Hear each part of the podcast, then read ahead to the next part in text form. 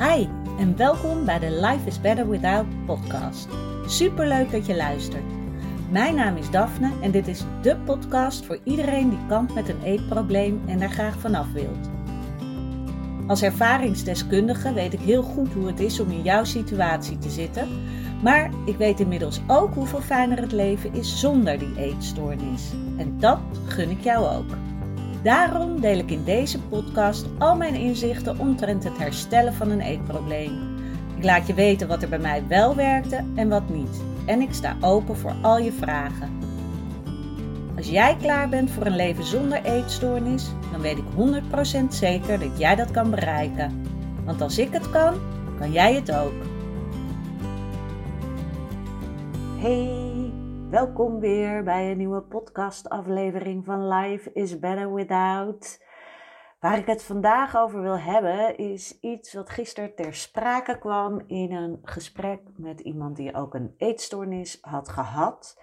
En we hadden het erover van waar zat het hem nou in? En ik zei ook tegen haar van ja, eerst wilde ik eigenlijk gewoon alleen eetstoorniscoach worden als ik zeg maar die holy grail had gevonden, die toverpil, ehm, waardoor ik wist van zo kan je in één keer herstellen. En nou ja, je hebt het me al vaker horen zeggen, denk ik, die is er niet. En ja, dan had ik natuurlijk kunnen denken, dan ga ik geen coach worden, want het is niet duidelijk waar het hem in ligt. Maar het ding is, het zit in heel veel verschillende dingen. En wat het allerbeste helpt, is je zelfvertrouwen en je eigenwaarde vergroten.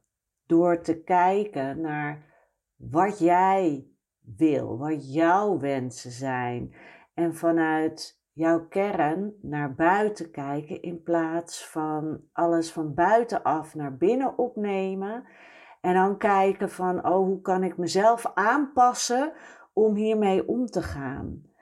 En dat is ook wat ik bijvoorbeeld in mijn online training heel erg leer. Van kijk van binnenuit.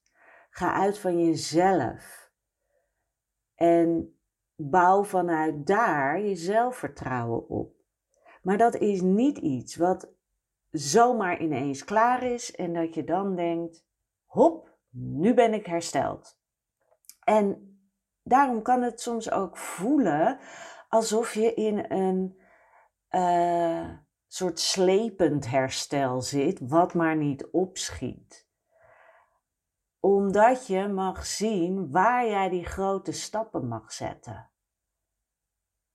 Je moet soms grotere sprongen durven wagen om net eventjes uit dat bepaalde dal te komen en weer die stap verder te komen vanuit waar je ook weer verder werkt aan je herstel, maar dan net eventjes een leveltje hoger.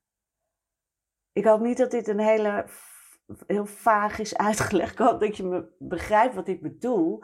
Maar wat het vaak zo is, is dat mensen zo snel, of zo snel, maar um, moedeloos raken omdat het zo lang duurt en er gebeurt niet genoeg. En dat is vaak omdat je blijft zitten op een bepaald level.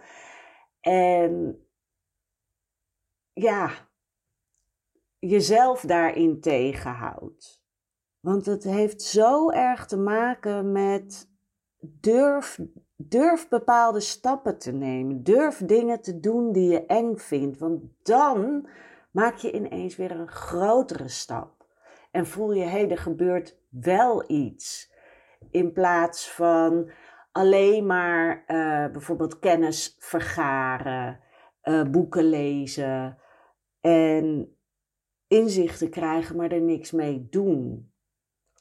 En dat wil ik je echt ook meegeven. Daag jezelf uit, hoe spannend ook. Maar zorg dat je ze nu en dan die iets grotere sprong neemt.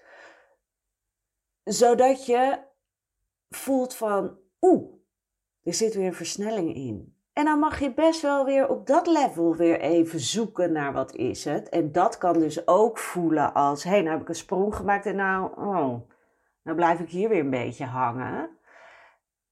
Maar wees daarin ook mild naar jezelf toe dat dat oké is. Want je mag je nieuwe level even gaan ontdekken.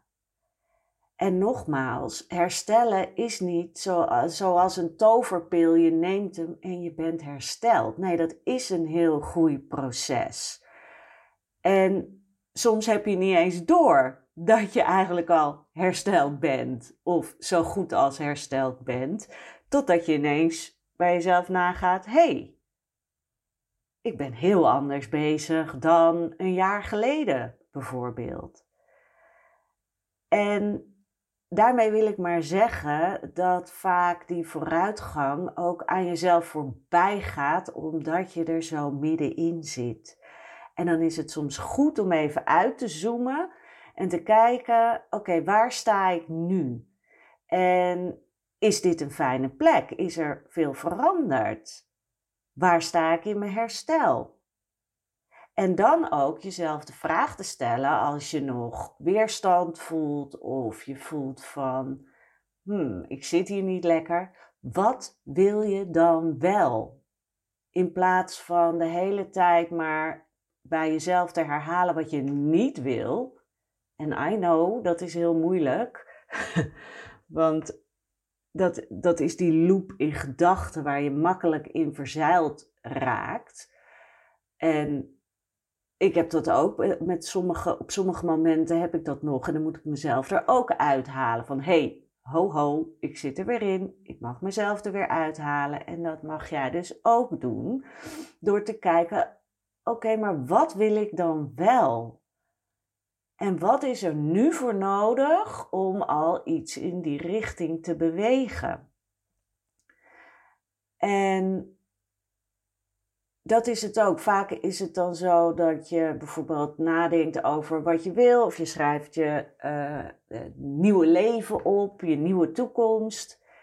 En dan wordt dat opgeschreven, alleen het wordt gezien als iets wat niet van jou is, als een ver van je bedshow, als oké, dat heb ik nu opgeschreven, wil ik heel graag, en dan ga, stap je weer terug naar onderaan die berg en denk je, ja, maar ik weet niet hoe ik daar moet komen.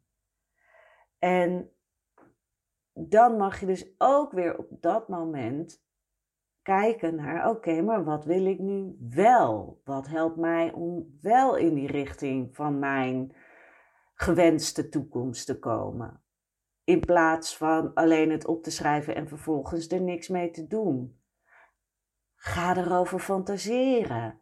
Want hoe vaker jij jouw nieuwe toekomstverhaal herhaalt, hoe normaler het voor jou wordt. En ook voor je onderbewuste. Die gaat er dan aan wennen. En dan wordt het dan normaler en dan wordt het makkelijker om het aan te trekken. Alleen, het is wel aan jou om actie te ondernemen.